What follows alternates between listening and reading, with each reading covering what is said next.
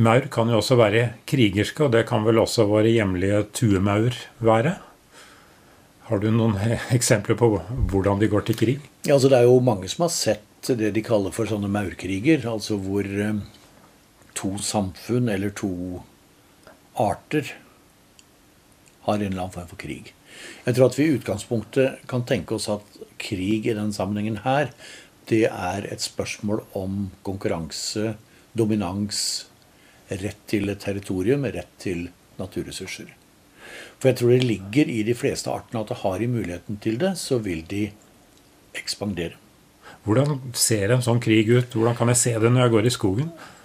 Ja, Det er ikke så veldig lett å se i skogen, men, men du kan se det av og til hvis Særlig på litt åpne områder da, som ikke er for mye vegetasjon, så kan du se at de rett og slett eh, har slag, altså hvor de river hverandre i filler. Har du sett det? Jeg har sett det en gang. Var det et uhyggelig syn? Nei, jeg vet ikke om jeg vil bruke hyggelig, men det, det er jo ikke noe kjære mor her. altså det, det er en krig uten nåde, altså. Og det samme gjelder jo da eh, En del mer kan jo også ha raid for å raide andre arter og bruke som slaver. Og det er jo de som på en måte ikke er i den tilstanden at de er interessante å ta med seg, de blir jo ofte bare avliva.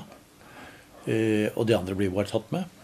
Men det kan altså skje både mellom forskjellige arter, men også eh, la oss si to, tu, tu, to tuer tett i tett som, av samme art som plutselig finner ut at de ja. er uvenner. Og dette her har også blitt brukt i det for å bruke det som en slags test på om de tilhører det samme hva skal jeg si for noe samfunnet.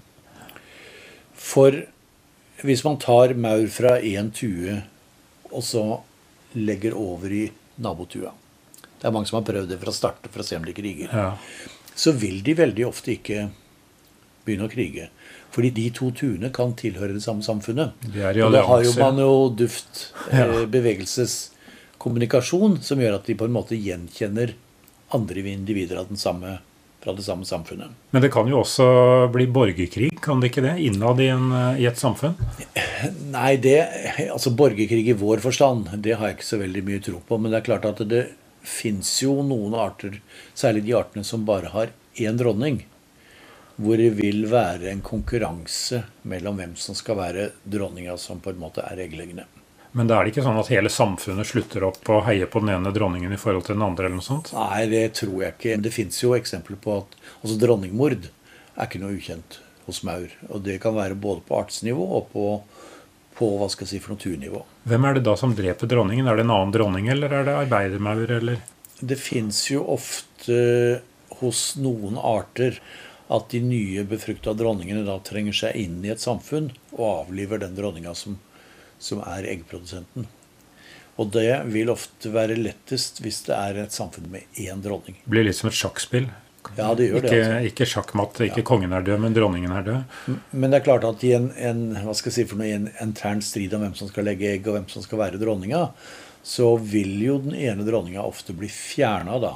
Og hvis da en dronning blir for gammel til å legge egg, det hender også, så da vil den dronninga ofte bli fjerna. Da vil Eh, arbeiderne være involvert. Og det er faktisk studert og vist hos, hos enkeltarter. Mm. Ikke hos de store tubyggerne, så vidt jeg vet, men, men, hos andre arter er dette kjent. En slags uh, coup d'etat, statskupp, nesten? Ja, det er jo for så vidt det. Mm.